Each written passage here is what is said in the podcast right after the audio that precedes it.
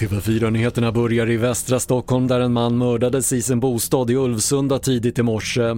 Han ska ha skjutits ihjäl på sin balkong och polisen tittar på samband med tidigare våldsdåd. Det är för tidigt att avgöra om den här liksom, skjutningen har med den pågående våldskonflikten i den här gängkriminella miljön att göra. Så just nu ser det här som en, som en separat händelse, men vi utesluter ju ingenting. Men det får den här undersökningen då, den här förundersökningen komma fram till eh, i ett senare skede. Det sa Rebecka Landberg på polisen. Tre personer omkom när ett mindre flygplan kraschade på Island igår kväll rapporterar lokala medier. Två timmar efter nödlarmet hittade en helikopter resten av planet och det är fortfarande oklart vad som orsakade olyckan.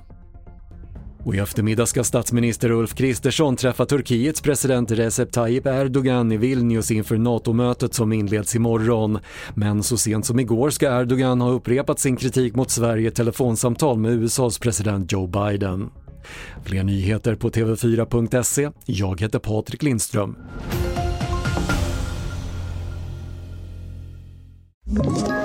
Ett poddtips från Podplay.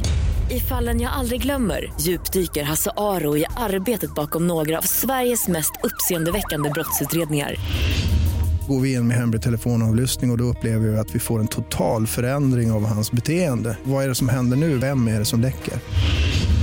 Och så säger han att jag är kriminell, jag har varit kriminell i hela mitt liv men att mörda ett barn, där går min gräns.